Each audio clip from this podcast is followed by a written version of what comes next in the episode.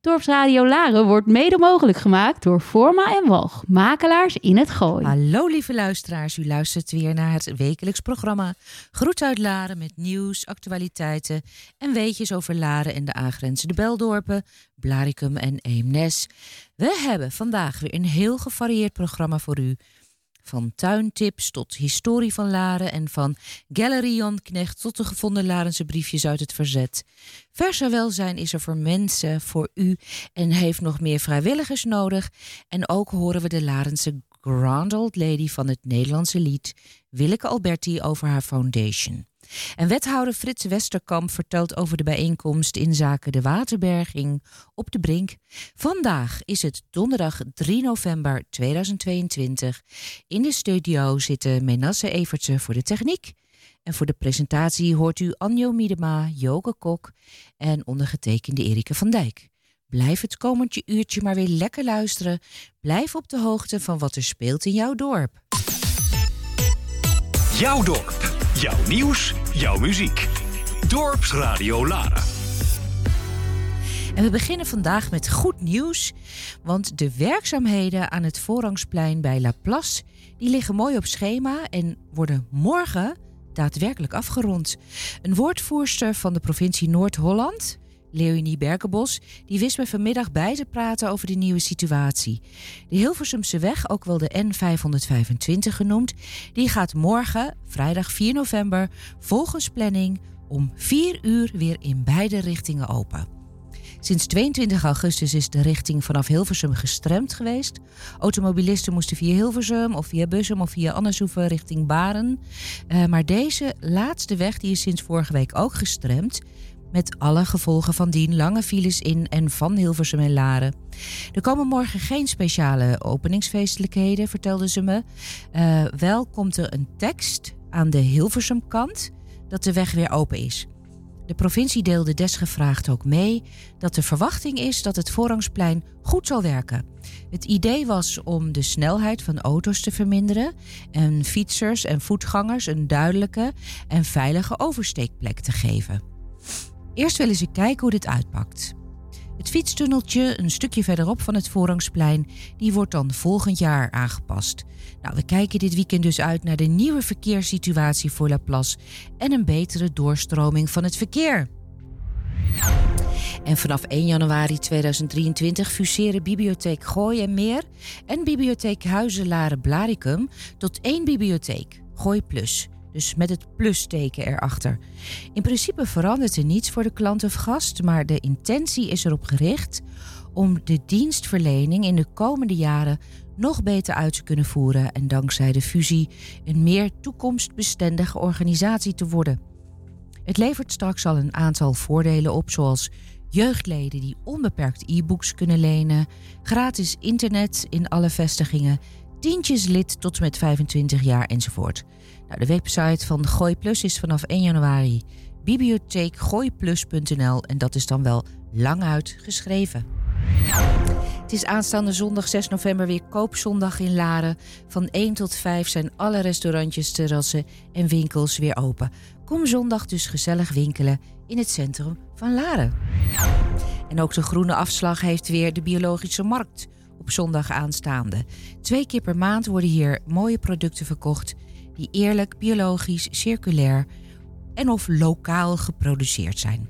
Ook zoeken zij nog nieuwe marskramers, boerinnen en melkmannen die met een stand de markt voor één keertje of wekelijks komen verrijken met prachtige producten. Kijk op de site van de Groene Afslag voor meer informatie. En sinds de zomer staan er waarschuwingsborden Pas op blauwalg langs de meenstroom in de Blarikumermeent. Ook, uh, ook al is het nu kouder, die blauwalgen die zijn nog steeds aanwezig. Het blijft dus van belang om contact met het water te vermijden, zo waarschuwt gemeente Blaricum op hun nieuwsite. De waarschuwingsborden die blijven dus staan totdat de blauwalg is verdwenen en het weer veilig is om in aanraking met het water te komen. Naast mensen geldt het advies dus ook voor dieren. Vermijd contact met het water en laat uw hond niet in water met blauwalg zwemmen. Dorpsradio Laren. Het nieuws rondom onze Brink. Heeft u een tip? Meld deze via www.dorpsradio.nl of bel 035 781 0781. Ja, we gaan direct naar onze eerste gast aan tafel. Zij werkt bij Versa Welzijn en houdt zich bezig met de hulpvragen die Versa binnenkrijgt. En dan gaat zij met name over het matchen van vrijwilligers aan klussen. Welkom Annemieke van Den Ban. Ja, goedemiddag, hoi. Je mag iets meer de microfoon naar je mond doen. Welkom. Nou, waar houdt uh, Versa Welzijn zich allemaal mee bezig en binnen welk bereik?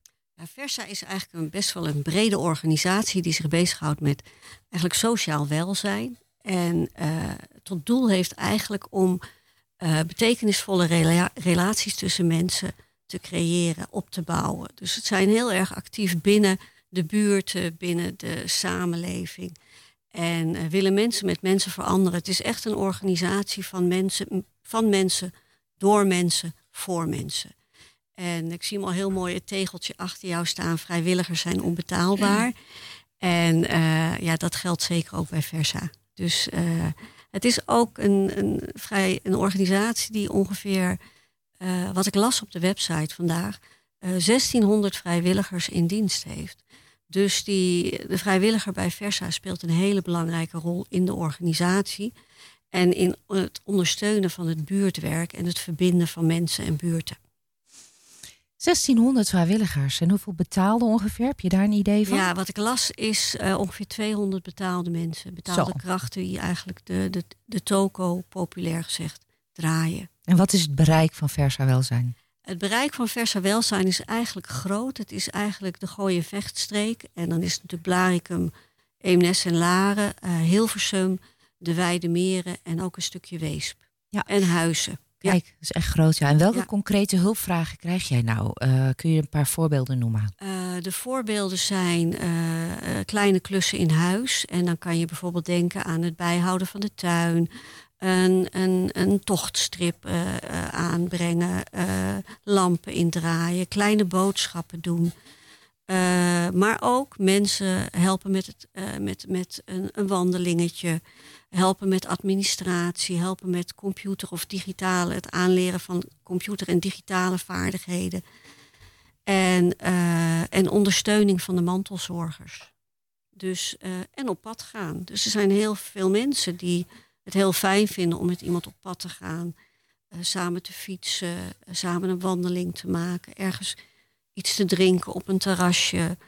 Um, dus dat zijn eigenlijk de hulpvragen die binnenkomen. En jullie zoeken nog vrijwilligers. Uh, waar moeten deze mensen aan voldoen? Uh, ze moeten uh, geïnteresseerd zijn in hun medemens. Ik denk dat dat het allerbelangrijkste is. Iets willen betekenen voor de ander. En uh, openstaan voor andere mensen. En gemotiveerd zijn. En het vooral heel leuk vinden. Als ik kijk naar de gemiddelde vrijwilliger, is dat iemand die ook graag nieuwe dingen leert en graag iets wil betekenen voor andere mensen. En heb je nog uh, een voorkeur voor een leeftijd? Nee, iedereen is welkom als vrijwilliger. En waar, uh, wat is de gemiddelde leeftijd van de, van de huidige vrijwilligers? Nou, wat we nu wel zien is de gemiddelde leeftijd van de vrijwilliger is, uh, is, is toch wel, dat zijn de mensen die met pensioen zijn. Maar ook de mensen die naast hun werk nog ruimte over hebben en denken, ik wil gewoon iets anders doen, iets meer doen. Mm -hmm. En, uh, en, en ja, eigenlijk is iedereen welkom. Iedereen is Ik geloof welkom. de jongste vrijwilliger die we hebben gehad was 14. Ja, want jij zegt het is voor jong en oud, hè, Versa ja. Welzijn. Ja. Want jullie doen ook jeugdwerk en Ja. kinderwerk. Kun je daar iets over vertellen? Ja, we hebben, dat is met name in de Malbak. Onder andere in de Malbak hebben we jeugd en eh, ouder en kind. Die hebben we ook in Blaricum, dus ouder en kind spreekuur. eh, eh, jeugdwerk, dus dat is eigenlijk basisschoolleeftijd. Er worden heel veel activiteiten georganiseerd. En ook veel sport en bewegen. En dan heb je ook nog het jongerenwerk. De grote tak van Versa is het jongerenwerk. Wat is dat precies? En dat is eigenlijk het, acti het uh, activiteiten organiseren, projecten organiseren voor, uh, voor jongeren. Sport en spel, um, maar ook uh, bijvoorbeeld zoiets als het Powerhouse. En het Powerhouse is heel leuk, want dat is eigenlijk een plek waar jongeren begeleid worden om hun talenten te ontdekken en te ontwikkelen. Nice. Hey, en uh, nou, jij, jullie zoeken dus nog vrijwilligers. Wil je een oproep doen? Nou, heel graag. Dus mocht je denken van, hey, Versa klinkt als een leuke club. En ik wil heel graag iets betekenen voor mijn medemens. Maar ik vind het ook leuk om mezelf te ontwikkelen. En ook wat inspraak te krijgen in het rijlen en zeilen van de buurt. Nou, dan ben je welkom bij Versa. Um, je kan mailen naar vrijwilligersapenstaartje versawelzijn.nl. En dan nemen wij contact met je op. En jij gaat dan matchen? Jij gaat kijken van, hé, hey, hier is een vraag. En jij matcht dan die vrijwilliger? Ja, in principe kijken wij dan naar eh, wat de vrijwilliger leuk vindt om te doen, waar zijn interesse ligt. En dan zoeken wij een, een, match die daarbij past. En onder andere, ik ben voor de Belgemeente, dus Blarikum, Eemnes, En voor Huizen is er iemand anders. En voor Hilversum ook. Dus het ligt er een beetje aan waar je interesse ligt in welk gebied. En dan krijg je een coördinator en die matcht je. Nice. Hey, hartelijk uh, bedankt voor deze informatie. Uh, wil jij nog iets zeggen? Of zeg je van nou, ik heb nu genoeg uh, alles kunnen zeggen wat ik wilde zeggen? Nee, ik heb alles kunnen zeggen. Dat is mooi. Dankjewel. Dankjewel voor de tijd. Dankjewel Annemieke voor jouw komst naar de studio. En heel veel succes. Dankjewel. En tot ziens. Dag. Dorpsradio Laren. Bij mij zit een van de bekendste Larense galeriehouders, Justine de Klerk Jan Knecht. Welkom. Dank je. Ik ben deze week bij je in de gallery geweest en zag daar heel bijzonder werk van Gerda Maas, waarvan je de afgelopen maand een tentoonstelling hebt gehad. Kan je daar wat over vertellen, wat ze maakt? Gerda laat zich heel erg inspireren door de natuur. Dus haar werk is altijd een referentie naar iets wat er in de natuur uh, voorkomt. Um, zij noemt het dwarrelingen. En met dwarrelingen bedoelt ze eigenlijk een heel breed uh, spectrum van uh, bijvoorbeeld een vlucht vogels of dauwdruppeltjes die in een spinnenweb zitten. DNA van de mens gebruikt ze ook als inspiratiebron. En hoe ziet het er dan uit? Want ik zag een werk aan de muur hangen, dat was heel verfijnd. Er zat een verlichting op waardoor het leek alsof de, het werk uit de muur kwam eigenlijk. Ja, ja dit is natuurlijk radio, dus het is... Ja, maar je, is, je, dus je moet het even omschrijven. Ja, precies. En hoe maakt ze het? Nou, haar basismateriaal is polymer. En um, zij maakt een soort van matjes van uh, metaaldraad. Dus dat is zeg maar in elkaar gevlochten. En daar brengt ze balletjes polymer in. Um, en die balletjes zijn elke keer anders bewerkt. Dus um, wat jij hebt gezien is bijvoorbeeld um, ipezaadjes die ze in polymer heeft gevat. En dan een heel klein randje bladgoud eromheen zet. Ja, het is zo bijzonder. Ik denk dat iedereen ja. het moet gaan komen bekijken ja. bij je. Ja. Bij galleries hebben ze het vaak over in mijn stal hebben. Wat betekent dat? En wie heb je nog meer? Ja, het is een beetje een grapje in mijn stal hebben. Uh, het zijn gewoon de kunstenaars die ik vertegenwoordig. En um, je probeert een, een, een consistente stal. Ja, de, de, een beetje onderling met galeries heb je het over je stal. Maar het is natuurlijk gewoon de kunstenaars die bij je zitten. Oké. Okay. en je hebt nu uh, je hebt buiten een beeld voor de gallery staan. Daarvan staan ja. ook beelden binnen. Van wie is dat? Dat is Erik Buis. En die beelden, de, het nieuwste beeld wat nu voor de galerie staat, is zeg maar, de, dat heet De Wandeling. Het is een soort hondfiguur wat een stok in zijn hand heeft.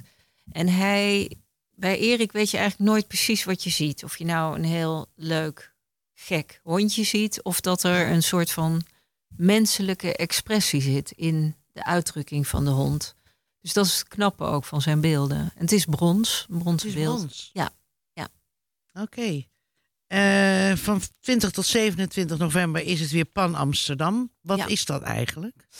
Pan Amsterdam is eigenlijk het, het, nationale broertje van de TEFAF. En de TEFAF is in Maastricht.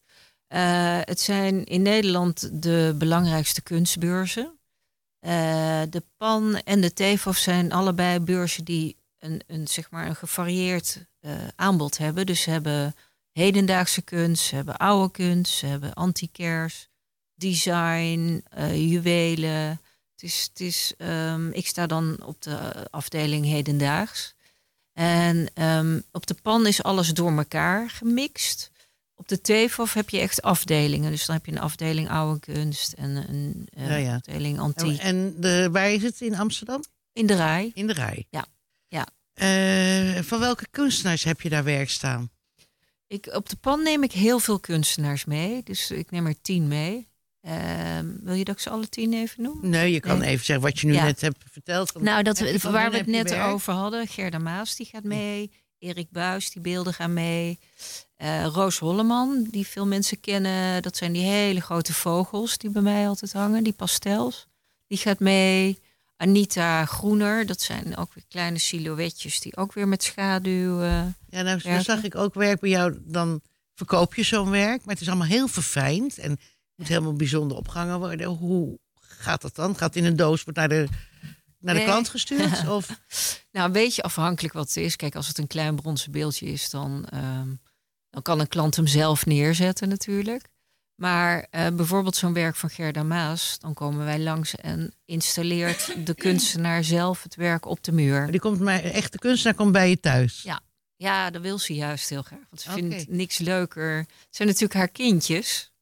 Dus voor haar is het ook enorm leuk om te zien waar die uiteindelijk terecht is Waar die gekomen. komt. Ja. En werk je bijvoorbeeld ook veel me- samen met eh, interieurbedrijven? Ik bedoel, we hebben een Nee. aantal grote bedrijven in, Nou, ik, ja, die ik ook werk- inrichtingen doen, dat ze bij jou ook de kunst komen kopen. Ja, eh, nou, ik, ik werk samen met Piet Boon, dat wel. Maar ehm, ja, het- moet maar net de smaak van de klant zijn natuurlijk. Dat, eh, dat een interieurman Daar iets aan Ja. kan doen. en daar iets aan kan doen. Ja, nee, dus, dus eh, het is ook niet, weet je, kunst is toch weer wat anders als interieur. Dat, dat, eh, het is niet zo van, oh je, je hebt een paarse bank, dus je hangt een paar schilderijen erboven. Dat is wel Het wat is- de gemiddelde Nederlander doet natuurlijk. Ja, ja, ja, ja dat, dat vind ik dan jammer. Ja. Ja.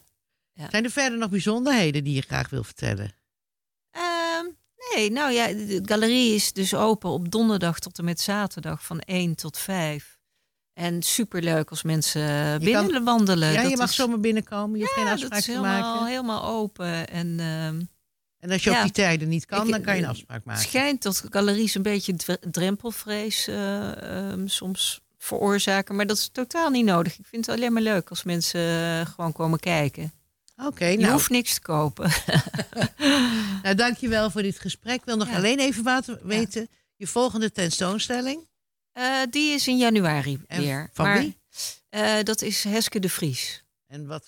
Heske de Vries zijn hele mooie, zachte schilderijen van interieurs en ehm, pleintjes.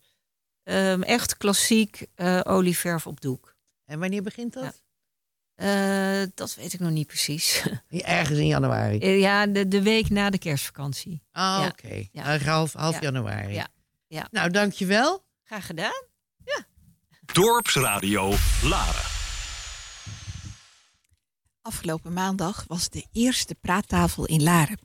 Het ging over de waterberging op de Brink en het verzoek aan de Laarders was om constructief mee te denken en met suggesties te komen. Deze zullen dan worden uitgewerkt. Ik ging gisteren bij wethouder Frits Westerkamp langs om hem om een reactie te vragen. Frits, gisteren waren de praattafels eh, in Brinkhuis voor de allereerste keer over de waterberging op de Brink. Hoe was het daar? Wat, wat was jouw indruk?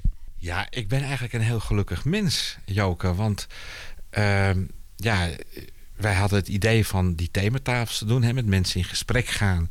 Maar dan in vanuit een positieve flow. Dus vooral niet voor tegenstanders. Maar vooral kijken van... Goh, we hebben een idee. En hoe kunnen we dat idee beter maken? Wat voor ideeën heeft u? Kom samenleving. Kom met je suggesties. Kom met je wensen. Kom met je ideeën. En dan is het heel spannend van gaat dat werken?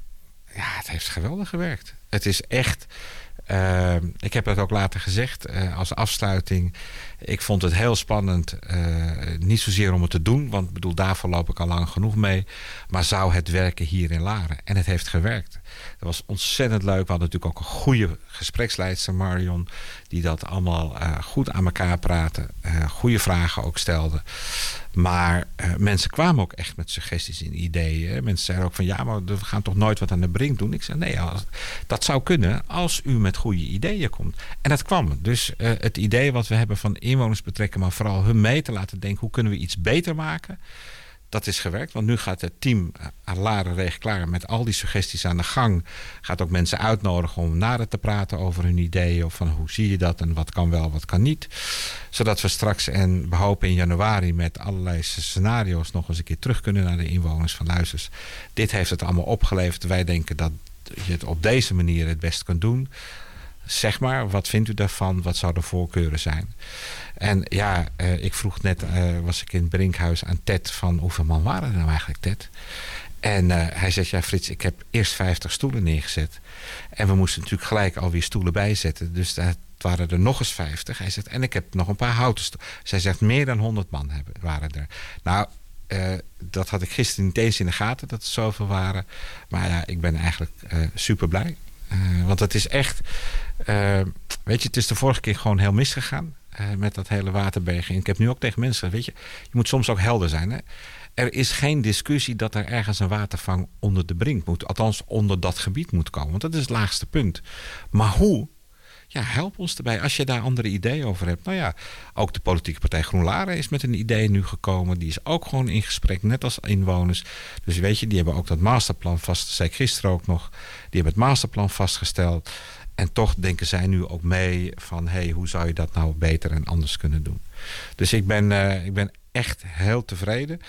Uh, dat smaakt echt naar meer. Nou ja, we hebben natuurlijk meer thematafels op het stapel staan... om juist met onze inwoners met ideeën te komen. Hè. Binnenkort uh, uh, parkeren komt, komt aan bod, uh, met name rondom Singer. En hoe kunnen we dat nou aanpakken? Onderzoek is nu, nu klaar. Uh, uitkomsten krijgen, zijn nu net geloof binnen. Er moet nog een paar dingen aan gebeuren en dan kunnen we daarmee naar de, naar de samenleving. Dus ja, ik verheug me op die ook al. Maar dit heeft echt een goede opbrengst gehad. Ja, dat was echt allemaal positief. Er waren geen mensen die Piet Luttig waren en op alle slakken zout legden en toch wat negatief overkwamen. Nee, dat vind ik dus echt. Dat, weet je, er, was een mevrouw die, een, uh, die was toen de tijd ook betrokken bij degene, als dat begrijp ik nu, die in de tijd een, een petitie hebben opgesteld tegen de kap van de bomen. En ze zegt, ja, maar de vorige keer stonden hier dus die andere wethouders en die zeiden, er gebeurt nooit wat onder de brink meer. Ik zeg, ik weet niet met welke intentie dat ze hebben gezegd. Ik zeg, ik ben natuurlijk een wethouder van buitenaf. Ik ken dat verleden, ik kijk naar nu en de toekomst. Maar ik zeg, ik snap uw emotie. Want die brink is ook uniek. Ik zeg, maar als u een suggestie heeft waardoor het niet onder de brink hoeft... vind ik dat prima. Uh, vind ik dat uitstekend als we de koerswaarde met rust laten. Uh, maar links of rechtsom moet het gebeuren. En weet je, je moet ook duidelijk zijn met wat, wat kan nou wel, wat kan nou niet... En daardoor waren er eigenlijk geen mensen. Ik bedoel, Jeroen eh, ten, ten Krode, die was er ook. Uh, die gaf natuurlijk nog zijn dingen van: hey, heb je wel daar en daar aan gedacht? Maar niet in een negatieve zin. Gewoon in positief, opbouwend van helpen om het voorstel gewoon beter te maken en te kijken of we met een voorstel kunnen komen die gewoon een groot breed draagvlak heeft. En zoals ik gisteren ook zei, weet je, we zullen niet iedereen blij maken. Maar als mensen maar wel het gevoel hebben van... oké, ik ben hier niet blij, maar hier zou ik mee kunnen leven. Weet je, als we dat niveau kunnen bereiken... dat mensen zeggen van, nou ja, weet je... het is niet wat ik optimaal zou willen... maar hier kan ik mee leven... dan hebben we bereikt wat we willen bereiken. Vind ik een hele mooie afsluiting. Ik wens jullie heel veel succes daarmee. En wordt vervolgd. Dorpsradio Laren. En we gaan weer naar de Brink. Dit keer hebben we het over het komende evenement op de Brink. Winter Village. Het start al over drie weken, zag ik. Van 26 november tot en met 8 januari 2023. En dan kunnen we weer schaatsen in het centrum van het dorp. Nou, ik heb tegenover mij zitten Manouk Meder, projectleider van Winter Village. Welkom. Dank je. Net door de files heen uh, Ja, gestruggeld, maar op tijd. Nou, we hebben luisteraars die misschien nieuw in Laren zijn komen wonen, zoals Anjo, eh, ook eh, die hier werkt. Ehm, en ze wist eigenlijk niet wat Winter Village is. Nou, er zullen er best wel meer zijn, want het is twee jaar niet geweest. Wat kun jij zeggen in het kort? Wat, doet, eh, wat is Winter Village? Nou, wij hebben het toevallig eh, van de week hebben we het erover gehad of het ondertussen nog steeds een evenement is of dat het ondertussen een traditie aan het worden is hier in Laren. Eh, wij streken ook eh, dit jaar voor de dertiende editie eh, weer neer, hier ja, midden op de brink eigenlijk. Ehm, en nou ja, wij zijn, we hebben het stokje eigenlijk overgenomen van drie dames die het zijn gestart. Ehm, maar het, is eenmaal nou een enorm kostbare investering om zo'n ijsbaan neer te leggen. Ehm, ik hoef ook niet te vertellen dat het dit jaar nog kostbaarder wordt. Dus daar zit een behoorlijke organisatie achter. Uh, ook om te zorgen dat het ijs bevroren blijft en ook begaan blijft. Um, dus ja, uiteindelijk is dat inderdaad een beetje uitgegroeid tot een village. Dus een ja. Ja, winterdorpje. Winterdorp. En wat is nou het doel zo van, van deze hele traditie of evenement? Nou, uiteindelijk uh, strijken we niet voor niks neer natuurlijk echt in het centrum van Laren. Dus we willen ook heel graag uh, daarin ook als organisatie zoveel mogelijk lokale betrokkenen en lokale bedrijven, maar ook uh, kinderen, lokale kinderen, lokale bezoekers, daar natuurlijk naartoe trekken. Um, en onze focus lag, of wilden we heel graag vorig jaar al meer op de kinderen en het sport en spel neerleggen. Nou, dit jaar en vorig jaar hebben we dat helaas niet kunnen doen. Ook vanwege COVID hebben wij uh, heel jammer een week voordat het evenement zou plaatsvinden de stekker er nog uit moeten trekken. Uh, dit jaar zijn wij wel welwillend om het helemaal door te laten gaan. Uh, en ja, gaan wij ons uh, voornamelijk focussen op dus de kinderen, het sport, het schaatsen.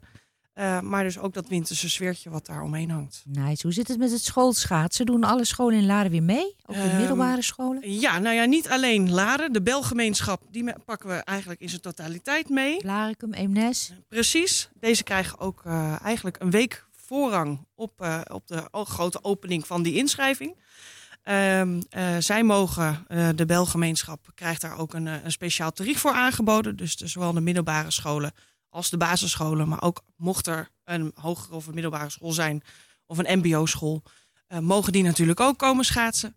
Uh, en op het moment dat zij de eerste week, zeg maar, de eerste kans hebben gekregen om zich in te schrijven, uh, ja, wordt deze ook opengesteld voor scholen uit Hilversum, Bussum. zien wij ook veel inschrijvingen vandaan komen. En we zien gewoon dat, dat dit jaar de scholen echt door COVID misschien een beetje zijn geremd. Dus de, de inschrijvingen die vliegen ons om de oren. En op dit moment staat volgens mij de teller al op 7500 kindjes die buiten openingstijden van de ijsbaan uh, ja, bij ons komen schaatsen. Geweldig, echt een trekpleister ja, dus. Ongelooflijk. Ja. Um, wat voor activiteiten komen er nog meer? Nou, daarnaast uh, zijn er natuurlijk, wat je zelf ook zegt, uh, wij zijn twee jaar niet geweest. Dus er zullen ook jonge kindjes zijn die nog niet zo ervaren zijn op het ijs. Dus wij bieden verschillende schaatscursussen aan waar ze zich van tevoren op in kunnen schrijven. Uh, met eventueel zusje, broertje, buurmeisje uh, wordt dat ja, gretig afgetrokken. Um, en um, daarnaast hebben wij nou ja, ook figuren, dan wel winterse figuren of frozen prinsessen of ijsprinsessen, hoe je ze dan ook zou willen noemen. wij organiseren elke woensdagochtend een moment die alleen bedoeld is voor peuters met hun ouders. Dus dan hebben ze geen last eigenlijk van de welervaren schaatsers. En kunnen ze ja, eigenlijk op het krabbelbaantje even hun eerste stapjes zetten. Um, en de curlingcompetitie elke woensdagavond. Dat ja. is toch ook echt wel een, uh, ja, een eye-catcher, ja. om het zo maar te zeggen. Nice. En komt er nog iets voor de tieners, een disco? We hebben elke vrijdagavond hebben we inderdaad een kinderdisco. Um, maar daar wordt gewoon eigenlijk de muziek ietsje harder gezet. We gaan de disco-lampen aanzetten. En dan hebben de tieners inderdaad ook nee. het idee dat zij... Uh, nou, even los mogen voor het weekend. Ja. En een kerstmarkt, komt die er dit jaar? Uh, daar zijn we inderdaad mee in gesprek, ook in combinatie met Bijzonder Laren. Um, want dat willen we natuurlijk wel op een professionele manier aanpakken. En ook uh, kijken in hoeverre wij daar lokale partijen bij kunnen betrekken. Dus daar zijn we op dit moment nog druk mee bezig. Ja, je noemde het net al, hè, die energieprijzen, in ieder geval de begroting. Ja. Uh, gaat het nog steeds lukken met die verhoogde energieprijzen? Nou, dat, dat is dus ook een beetje hetgeen waar wij heel erg tegenaan lopen. Uh, de, de prijzen in, ten opzichte van de laatste editie in 2019, 2020 zijn op sommige plekken gewoon verdubbeld of verdriedubbeld zelfs. Um, dus ja, daar al, daarin als organisatie dachten wij eigenlijk dat we na twee jaar COVID de uitdagingen hadden gehad. Uh, maar dit jaar hebben we er eigenlijk nog eentje bij gekregen. En uh, wij zijn op dit moment nog meer met lokale partijen, maar ook onze leveranciers in gesprek gegaan. Om te kijken in hoeverre zij ons daarmee zouden kunnen ondersteunen. Uh, en, en, ja, ook investeren in hopelijk weer een vruchtbare toekomst. Mm, blijven de kaartjes wel betaalbaar? Zeker, ja, daar hebben we zeker voor gekozen. Uh, ook omdat we weten natuurlijk dat niet alleen wij last hebben van die prijsverhogingen, maar eigenlijk iedereen in Nederland. Uh, dus wij hebben ervoor gekozen om het, het, kaartje wel iets te verhogen. Maar dat wordt 8,50 euro. En daar zit dan schaatsvuur bij in. Dus we houden dat schappelijk. Nou, er komt heel veel bij kijken, hè? hoorde ik jou al zeggen. Die ja. hele organisatie van ijsmeesters, toezichthouders, uh, horecamedewerkers. Uh, welke vacatures staan er nu nog open en voor welke taken zoeken jullie nog vrijwilligers? Eigenlijk op alle alle plekken, alle niveaus. We merken wel dat er een hele enthousiaste club mensen weer is opgestaan. Uh, natuurlijk ook een groot deel die eigenlijk ons altijd al een warm hart doet dragen. Die daar al jaren eigenlijk bij betrokken zijn geraakt bij het evenement zelf. Uh, horecapersoneel is natuurlijk ook ja, enorm gewenst. Uh, we wensen natuurlijk nog steeds de kwaliteit en de kwantiteit van de horeca die we daar aanbieden ja, te behouden zoals die was. Um, dus nee, ja, mochten er mensen nog geïnteresseerd zijn of op zoek zijn naar een bijbaantje, dan mogen ze zelf contact met ons opnemen. En dat kan via de site, hè? Ja. Winter Village. Zit er nog een voordeeltje in als je vrijwilliger bent? Uh, nou ja, afgezien van het feit dat het natuurlijk een hartstikke gezellige club is. En dat we ze ook uh, regelmatig in de watten leggen met een warm dankje of een bitterbal. Uh, zorgen we er zeker ook voor dat zij een, een, leuk presentje krijgen met kerst en met Sinterklaas. En ja, verzorgen we dus ook een, een gezelligheidsborrel hiervoor. Dus dat hebben we vorige week afgerond. En dan merk je wel weer dat het hier in Laren alweer behoorlijk begint te borrelen. Begint te leven. Ja. En gratis schaatsen natuurlijk Zeker. als vrijwilliger. Ja, ja. Nou, je zei het al, hè, dertiende editie. Uh, in 2019 is het voor de vierde keer, voor, nog voor vier keer afgegeven. Maar het is dus twee keer niet doorgegaan. Klopt. Uh, betekent dat dat we dan nu nog drie keer te gaan hebben? Nee, nee. Helaas hebben wij van de gemeente te horen gekregen dat deze twee niet worden verlengd eigenlijk in de vergunning. Dus deze worden niet verder verstrekt. Dat betekent dat we ja, deze editie eigenlijk naar onze laatste editie van de raamvergunning aan, aankijken. Um, dat betekent niet dat wij natuurlijk het beltje er maar neergooien, want wij gaan volle, uh, vol gepassioneerd wel weer opnieuw een aanvraag doen. Mhm. Mm -hmm. uh, maar ook uh, ja, door de alle prijsstijgingen hadden we het prettiger gevonden als we met zekerheid deze editie hadden mogen organiseren en weten dat al de investeringen die we dit jaar weer gaan doen, dat we die ook weer hadden kunnen uitsmeren over meerdere Mhm. jaren met zekerheid. Wat is de reden dat er alweer een, over een nieuwe vergunning moeilijk wordt gedaan? Dat durf ik je niet te zeggen. Nee. Nee, nee. wij willen nogmaals, ja, wat ik zei, wij willen die traditie voort gaan zetten. En uh, goed, wij, wij, wij doen het al jaren en vinden het ontiegelijk gaaf om er weer hier in Laren te mogen staan. Dus nee, ja, wij gaan er in ieder geval alles aan doen om uh, daar volgend jaar ook weer uh, te mogen gaan staan. Heel leuk, tot slot. Wie gaat het evenement openen? Uh, we zijn bezig inderdaad met de wethouder. Die zal er ongetwijfeld bij zijn. Uh, we hebben een uh, leuke schaatsdemonstratie. Door eigenlijk dames en heren die, die er echt een kunst van maken. Om zulke mooi mogelijke demonstraties neer te zetten op het ijs. Um, en voor de rest hou ik het nog een klein beetje geheim. Oké, okay. dankjewel voor de komst naar de studio. En Geen dank. heel veel succes nog met organiseren. Dankjewel. Dorpsradio Laren. Ik was vorige week voor een interview bij de Grande Old Lady van het Nederlandse lied, Willeke Alberti. Ze is officieel met pensioen, maar stilzitten is geen optie. Haar agenda is de komende maanden helemaal volgeboekt. Mevrouw Alberti, wat fijn dat u tijd vrij wilt maken voor Dorpsradio. U bent, en dat mag ik toch wel zeggen, de grande dame van het, de Nederlandse muziek. Hele generaties zijn met u opgegroeid. 66 jaar zit u in het vak en 19 juli heeft u in het concertgebouw officieel afscheid genomen. Maar u zit echter niet thuis achter de geraniums en uw agenda zit bomvol. In de krant las ik over uw samenwerking met Velderhof senioren. En wat mij daarin trof was dat u mensen thuis bezoekt aan de hand van hun ingezonde persoonlijke verhalen. Wat houdt eigenlijk die samenwerking met Velderhof in en hoe kwam u daar zo bij? Ik heb samen met Belinda Muldijk hebben wij een, een boek geschreven over mijn leven. En dat hebben we later ingesproken als uh, een luisterboek. Wat ik speciaal wilde, zodat mensen die niet meer kun, niet goed kunnen zien, gewoon het cd'tjes op kunnen zetten en wanneer ze willen. En toen zochten wij uh, samen, omdat we alle twee heel gek zijn op uh, Rob ten IJs, uh, zochten wij een stoel voor hem. Zodat hij wat makkelijker, zo'n sta-op-stoel. En zo ben ik bij Velderhof, uh, om een lang verhaal kort te maken. Maar ben, zo ben ik bij Velderhof gekomen. En waarom? Omdat daar een verkoper was die uh, zo ontzettend liefdevol uh, erover sprak van... nou, dat zou toch fantastisch zijn hè, als, als wij uh, Rob kunnen helpen en, en, en jou kunnen helpen. Want iedereen zegt altijd jou tegen mij. Ik ben gewoon Willeke hoor, mag je gewoon rustig zeggen.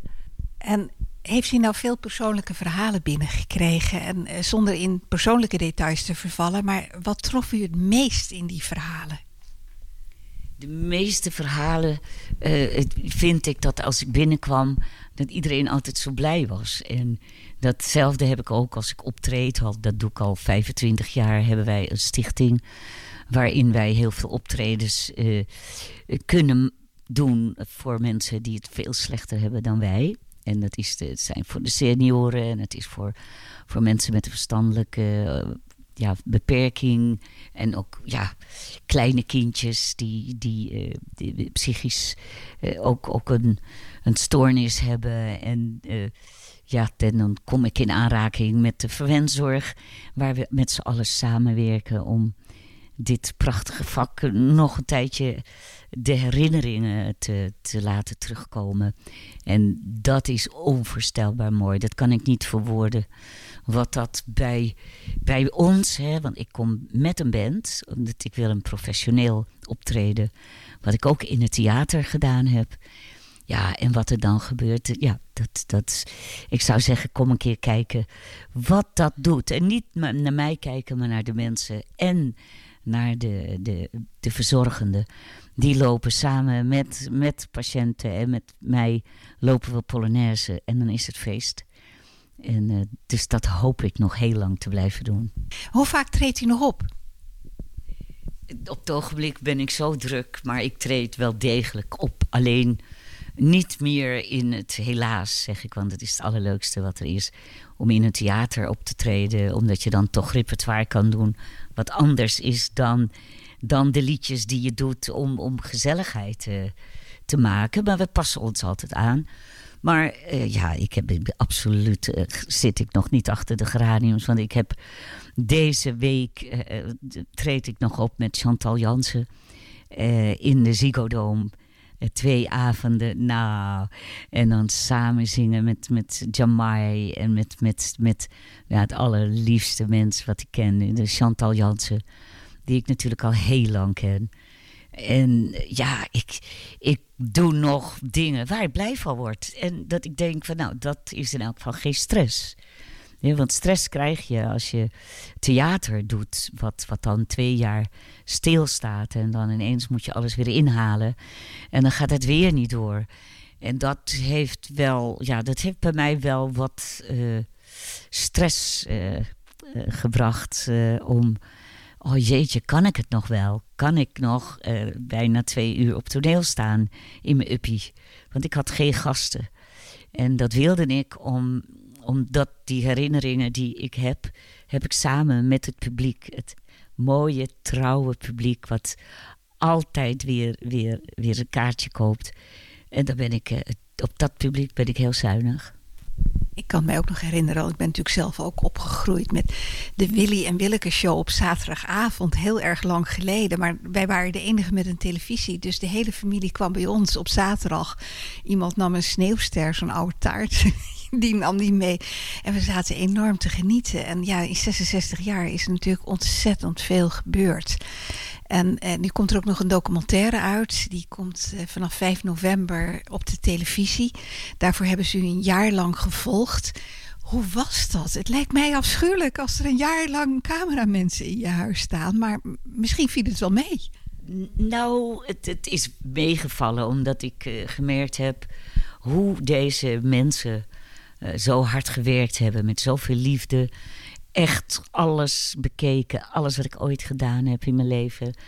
Eh, dat, eh, dat is dan eh, Valentijn, die, die al tien, tien jaar geleden bij mij kwam, of hij dat mocht doen. En ik ben niet zo van docu, documentaires, omdat dat privéleven, wat, wat natuurlijk al heel hè, minimaal is, omdat je dat bijna niet hebt. En dat vind ik ook helemaal niet erg. Maar wel als er dan dingen gebeuren in de familie die eh, ja, heel zwaar zijn. En uiteraard eh, heb ik altijd geleerd, eh, doe niet de vuile was naar buiten. En dat is eigenlijk het enige wat ik heel vervelend vond. Met enkele vragen die ik niet wilde beantwoorden. En dat, dat was nog wel eens een botsing. Maar hij heeft het tot nu toe, wat ik gezien heb, fantastisch gedaan. En toen ik naar de eerste, het eerste deel keek, het is SBS 6 eh, om half tien. 5 november de eerste en dan elke zaterdag. Zaterdagavond, ja, ja. Nee, dus daar, daar verheug ik me op. En het is natuurlijk een documentaire van, ja, gewoon een hele warme familie. En, en, niet één familie, maar ik heb een stuk of acht families die me allemaal heel dierbaar zijn. En, en dan zie je weer beelden van mensen die er, ja, de meeste er niet meer zijn.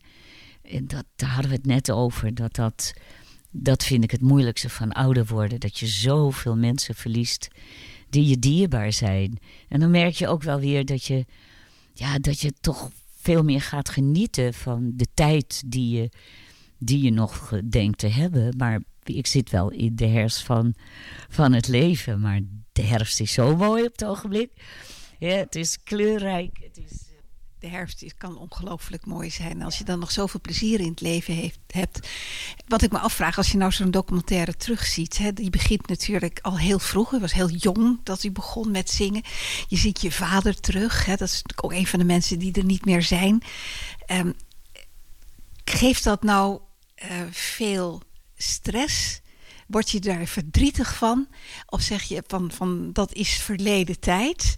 Of zeg je, oh wat heb ik ontzettend veel mooie dingen in mijn leven gedaan en dit blijft allemaal voor het nageslacht en over honderd jaar kunnen we er nog van genieten. Wat ben ik een geweldig mens eigenlijk dat ik dit heb kunnen doen. Niet zeggen dat ik een geweldig mens ben, maar ik ben wel heel dankbaar voor al die jaren die ik meegedaan heb. En ook ja, toch wel, wel zeker tijdens mijn zwangerschappen uh, drie keer gestopt ben. En, uh, en zelfs ook naar het buitenland gegaan, uh, waar ik ja, het zo bij elkaar toch wel zo'n twaalf jaar gewoond heb.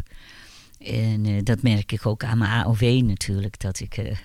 dat, dat, nee hoor, maar het, het is. Um, ja, het is nog steeds voor mij niet, niet te geloven dat, dat, dat je nog zo veel mag doen. En dat je nog tot nu toe overal voor gevraagd wordt. Het Snollebolke is in maart, is ook twee jaar verzet. En nou ja, dat, daar verheug ik me op. Nou, Chantal Jansen. Uh, en nog meer leuke dingen. En al die optredens, onder andere voor uh, de Alzheimer Stichting, voor de Zonnebloem. Waar ik natuurlijk ook al jaren voor, voor gewerkt heb. En nu, uh, ja, ik vind het geen werk meer. Het is gewoon voor mij uh, ja, het allermooiste wat ik nu op dit moment in deze tijd nog kan doen. En dat is alleen maar genieten en herinneringen ophalen die we natuurlijk allemaal hebben. Als je nou terugkijkt op uw hele lange carrière, wat is dan de mooiste herinnering? Wat u gedaan heeft. Hè? Behalve zangeres bent u ook een uh, fantastische actrice geweest. Ik weet wel, de meeste indruk op mij heeft ooit het stuk eh, van Marleen Spaargaren, De Kleine Waarheid, gemaakt. En eh, daarin vond ik u als actrice eigenlijk ook helemaal geweldig. Dat is iets heel anders als een zangcarrière. Maar wat was voor u zelf persoonlijk nu? Dat u zegt, nou, daar heb ik de mooiste herinneringen aan. En zo fijn dat ik dat heb kunnen doen. Ja, dus wat, wat een goede vragen allemaal. Het is, uh, ja, ik heb vanaf het begin heb ik genoten. De zaterdagavondshows eh, met mijn vader. De optredens met mijn vader in het buitenland bij, bij emigranten. En als we dan het, eh, het, het Nederlandse volkslied zongen, dan, ja, dan was iedereen in tranen. En wij ook, want we hadden allemaal heimwee toen we daar waren. Maar de kleine waarheid heeft wel mijn leven wel veel interessanter gemaakt door dat je in een ander milieu terecht kwam. En een ander milieu bedoel ik uh, dat je leert, uh, ja, niet dat dat nou het belangrijkste is, maar wel door Marleen Spaargaren, die als dienstmeisje kwam, heb ik wel geleerd hoe je de tafel moet dekken. En daar was Willy van Hemert echt heel erg uh, precies in hoe ik wijn in moest schenken en moeilijke woorden, larmoyant, uh, perspectief. Nou ja, dat is iets van de laatste tijd. En ik heb dat altijd heel graag geleerd. Ik ben heel erg van dingen nog steeds leren en, en, uh, en in, in, in op te nemen. Amy Groskamp ten Haven. En ik kwam hier in, in Blaricum terecht natuurlijk, bij Willy van Hemert, die hier prachtig woonde. Inmiddels is dat allemaal, nog veel meer huizen zijn daar gekomen. En ik was eigenlijk uh, onmiddellijk verliefd op, uh, op Blaricum en Laren. En in Laren kreeg ik mijn eerste, eerste gouden plaat, het was spiegelbeeld. En toen had ik, toen had ik al, dat was iets vroeger dan de kleine waarheid, hier wil ik wonen. En, uh, en dat is ook wat ik weer gehad heb als ik in het buitenland was. Oh, en ik heb het elke avond als ik thuis kom, of smiddags, waar vandaan. Oh, lekker, ik ben weer thuis. Ik heb in, in Blaricum gewoond en in Laren. Nog een allerlaatste vraag. Uh, u heeft een redelijk zware periode binnen de familie achter de rug. Of misschien nog niet helemaal achter de rug. Uw dochter is ernstig ziek. Dat is ongeveer het ergste wat een moeder kan overkomen, denk ik. Hoe is het nu met haar? Ik uh, kan alleen... Uh, ja, het, normaal hebben wij afgesproken dat als er vragen zijn... dat je die beter dan aan, aan Daan, Daniel zelf kan vragen. Omdat, ja, als ik zeg het gaat goed ja, het, het, is natuurlijk nog midden in een. Uh, ja, in een, in, het is natuurlijk heel wat hè, waar, waar mensen met die vreselijke ziekte, maar dat geldt natuurlijk voor mensen met alle ziektes, hè, wat, eh, wat het ook is. En uh, dat is wat, ja, wat gewoon wel heel erg beseft hoe belangrijk het is als, nou ja, dat, dat, dat, dat je er kan zijn en dat was natuurlijk best een moeilijke periode. Want ik was bezig met mijn laatste traject in de theaters. En, uh, maar ja, zij zei ook altijd van... nou mam, dat moet je ook doen. Maar er is één punt. Als ik emoties heb, dan... dat slaat naar mijn keel. Dus dat was, was best wel heel, heel moeilijk. Maar dan hoef ik alleen maar te denken... voor haar uh, is het natuurlijk het allermoeilijkste. En voor, voor, voor haar man en haar kinderen. En, en vrienden en, broers. Eh, we leven allemaal, ja, zeg maar 24 uur per dag leven mee. En, nou ja, en met Johnny is het godzijdank goed afgelopen. En, maar dat, het is wel weer dat je weet hoe moeilijk het is om een BN'er te zijn op het ogenblik. Want het is natuurlijk wel heel makkelijk om iemand zijn kop eraf te slaan. En, en, en dat je alleen maar denkt van, hè? Over wie gaat het eigenlijk? En dat is, uh, daarom ben ik wel blij dat ik een beetje nu uh, alles gedaan heb wat ik wilde doen. Een prachtig afscheid heb, heb genomen. Maar dat ik in de zorg, voor de zorgenden en voor alle mensen die in, in huizen wonen, hè, waar, waar het toch altijd moeilijk is, hoewel ze hartstikke hun best doen. Ik zie echt wat er voor komt kijken voor alle mantelzorgers. En, en al die mensen die, die, die elke dag die zorg hebben. En uh, daar neem ik heel erg mijn petje voor op. Dus daar, daarom is het voor mij uh, het allermooiste dat ik, uh, dat ik, en dat hoop ik nog heel lang te doen. Want als ik niet meer kan lopen of niet meer kan zingen, ga ik voorlezen. Of ik ga gewoon een kopje koffie drinken. En dat heb ik afgesproken ook met de Alzheimer Stichting om naar het, het café te gaan waar, hè, waar ze samen zijn en samen zingen. En samen die, ja, die Alzheimer die, die zomaar kan komen, eh, toch samen kunnen delen en ook samen in hetzelfde schuitje zitten. Waardoor eh, er toch weer een openheid komt en, en ook de muziek die belangrijk is voor die mensen. En dan is muziek is eigenlijk voor ja, voor elk mens is dat het beste medicijn. Ook voor kleine peuters. Ik heb laatst voorgelezen weer. Ik mocht voorlezen voor kinderen. Vorig jaar hier in Laren gedaan. En dat is mooi. Die kleine kindjes die jou helemaal niet kennen. En dan, als je dan toch liedjes samen gaat zingen. En dat ze dan naar boven kijken. En dan zeg ik ook nog: Ik ben ook Tante Perenboom van Woesel en Pip. Dus ja, het is, het is, je bent gewoon zo dankbaar voor dat, je, dat, ik, ja, dat ik dit vak heb gekozen. En gelukkig heeft uh, Johnny, mijn oudste zoon, ook gekozen voor, ja, toch voor, voor het vak. Hè, om al zijn liefde ook voor mensen die het heel moeilijk hebben. En dat, uh, en dat doen we heel vaak ook samen. En dan is iedereen blij. En ik ben nu ook blij om jou te ontmoeten. En wie weet gaan we elkaar nog wel uh, zien. Een prachtige afsluiting. Mevrouw Alberti, hartelijk dank voor het gesprek. Dorpsradio Laren. Er is mogelijk een unieke vondst gedaan door verzamelaar Robin Goudzwaard. 21 jaar oud, een stapel briefjes van een bekende Larense verzetsgroep. Het gaat om briefjes met persoonlijke informatie die gebruikt werden om documenten te vervalsen. Aan de telefoon heb ik Robin, welkom. Hi, goeiedag. Hoi. We, kun jij vertellen hoe jij aan deze briefjes bent gekomen, Robin? Um, op Marktplaats uh, was er een verzamelaar die stopte met verzamelen. En uh, ik heb zijn, uh, de laatste restanten van zijn verzameling overgenomen. En tijdens het uitzoeken van die documenten kwam ik achter deze briefjes. En wat is, er, ja, wat is er zo bijzonder aan deze vondst? Wat zijn dat voor briefjes? Nou, het zijn, um, ik denk, een zestigtal briefjes met ongeveer 46 namen van, met alle persoonbewijsgegevens. Dus dat zijn ID-kaarten. Van over het algemeen Joodse mensen uit de regio, voornamelijk uit Amsterdam. Um, en die informatie is hier opgeslagen door de Larense Verzetsgroep. Waar, uh, waar exact voor, dat uh, is nog niet helemaal duidelijk. Maar waarschijnlijk om de persoonbewijzen te vervalsen daarmee. En van welke verzetstrijder of groep waren deze?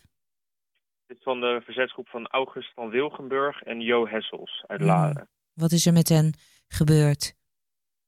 Helaas in uh, 1944, in, als ik het goed zeg, juli zijn zij opgepakt uh, in Amsterdam. En zijn ze vervolgens naar kamp Vught gestuurd, waar ze enkele maanden later allebei zijn gefuseerd door de, door de, door de nazi's. Mm. En hoe lang spaar jij al spullen uit de oorlog?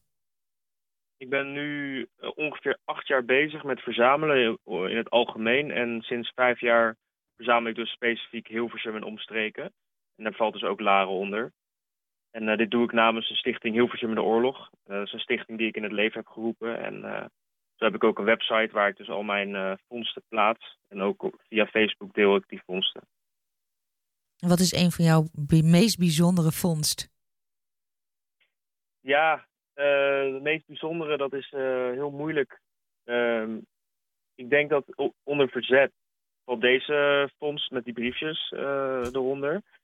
Verder heb ik nog hele zeldzame documentatie um, uit Hilversum die uh, vrij uniek is, waar ook geen enkele van zijn. Uh, twee jaar geleden, in 2019, was inmiddels al bijna drie jaar geleden, uh, was er op een zolder in Hilversum een, uh, een jasje gevonden van een Nederlandse vrijwilliger die voor de Duitsers werkte. En deze heb ik ook in mijn bezit. Hele slechte staat, maar ook heel uniek om zoiets te vinden. Ja, en hoe is dat zo ontstaan, deze, deze interesse? Nou, ik was uh, altijd al geïnteresseerd in geschiedenis. En op een gegeven moment dacht ik van, goh, de Tweede Wereldoorlog. Kijken of daar iets uh, is. Helaas voor de familie is er niks overgebleven. Uh, ik dacht, misschien even kijken op Marktplaats of daar wat dingen van te koop zijn. En ja, dat, dat was er. Dus had ik een, toen de tijd een bodemfonds Duitse helm gekocht, omdat ik dat wel interessant vond. En nu is het natuurlijk een, ja, nu ben ik iets verder daarin. ja. Ja, en wat ga je dan verder doen met die personen die genoemd zijn op die briefjes? Ik uh, ga er een artikel over proberen te schrijven en ik probeer zoveel mogelijk namen te ontcijferen. Ook de codenamen en zo probeer ik uh, zo te ontcijferen, zodat zoveel mogelijk van deze verzetsgroep aan het licht komt. En ook wat er is gebeurd met de, met de Joodse mensen die op, dit, uh, op deze briefjes staan. Het is nog een hele, hele grote puzzel dus die je nog kunt gaan oplossen. Ja, dat is behoorlijk wat werk, ja. Ja, doe je dat alleen? Mijn uh, vriendin is uh, ook historicus en die is ook heel erg goed in het uitzoeken van uh, dit soort dingen. Dus zij gaat mij erbij helpen. Gelukkig, je hebt hulp. En, en daarnaast heb ik een lokale historicus in Laren die mij hier ook mee helpt. Ja, en dat is? Wie, wat is zijn naam? Alderik Herman. Ja, juist, die hebben we wel eens eerder gehoord. hey, je wil nog een oproep doen? Ja. Um, ja, ik ben op zoek voor mijn collectie om Stichting Hilversum in de Oorlog uit te breiden. Naar ander materiaal uit de Tweede Wereldoorlog. Dus mocht iemand wat hebben, dan uh, hoor ik het heel erg graag. En hoe kunnen ze met jou in contact komen? Um, dit kan via mijn website hilversumindeoorlog.nl. Hilversumindeoorlog.nl. Daar staat een contactformulier. En daar kunnen ze contact met, mij, met mij opnemen. Nou, hartstikke goed. Heel hartelijk bedankt uh, voor deze toelichting van de Larense briefjes. Heel veel succes met het uitzoeken. En misschien eh, als je weer nieuws hebt, eh, laat het ons weten. Dankjewel. Nou, misschien tot de volgende. Dorpsradio Laren. En aangeschoven is een andere historicus, Beb de Boer. Beb, waar ga je het over hebben vandaag? Eh, nou, we zijn nou toch in de tijd van Sinterklaas en kerst. Het is ook echt Sinterklaas weer buiten nu. Ik dacht, nou, laten we die nou eens bij de, bij de kladden pakken. Want dat is... Ik ben twintig jaar lang ben ik hulp Sinterklaas geweest in een peuterspeelzaal. En dat wist een journalist van de Lade Krantenbel, die wist dat ook. En die vroeg me een keer, joh, wij gaan Sinterklaasfeest vieren thuis. Zou jij daarbij aanwezig willen zijn? Nee, nou, doe het niet graag, maar ik heb het pak toch. Nou ja, voor één keer dan. Dus afgesproken en hij kwam me ophalen. Dus dan ging ik met de auto. Ja, daar pas je er niet in, want dan zie je met die mijter op je hoofd. Die is niet hoog genoeg. Precies. Nee. En eh, nou, dan zat ik met de mijter op mijn schoot en de, de staf moest in twee stukken. Anders paste het niet. En dan reden we. En we gingen richting Blarikum.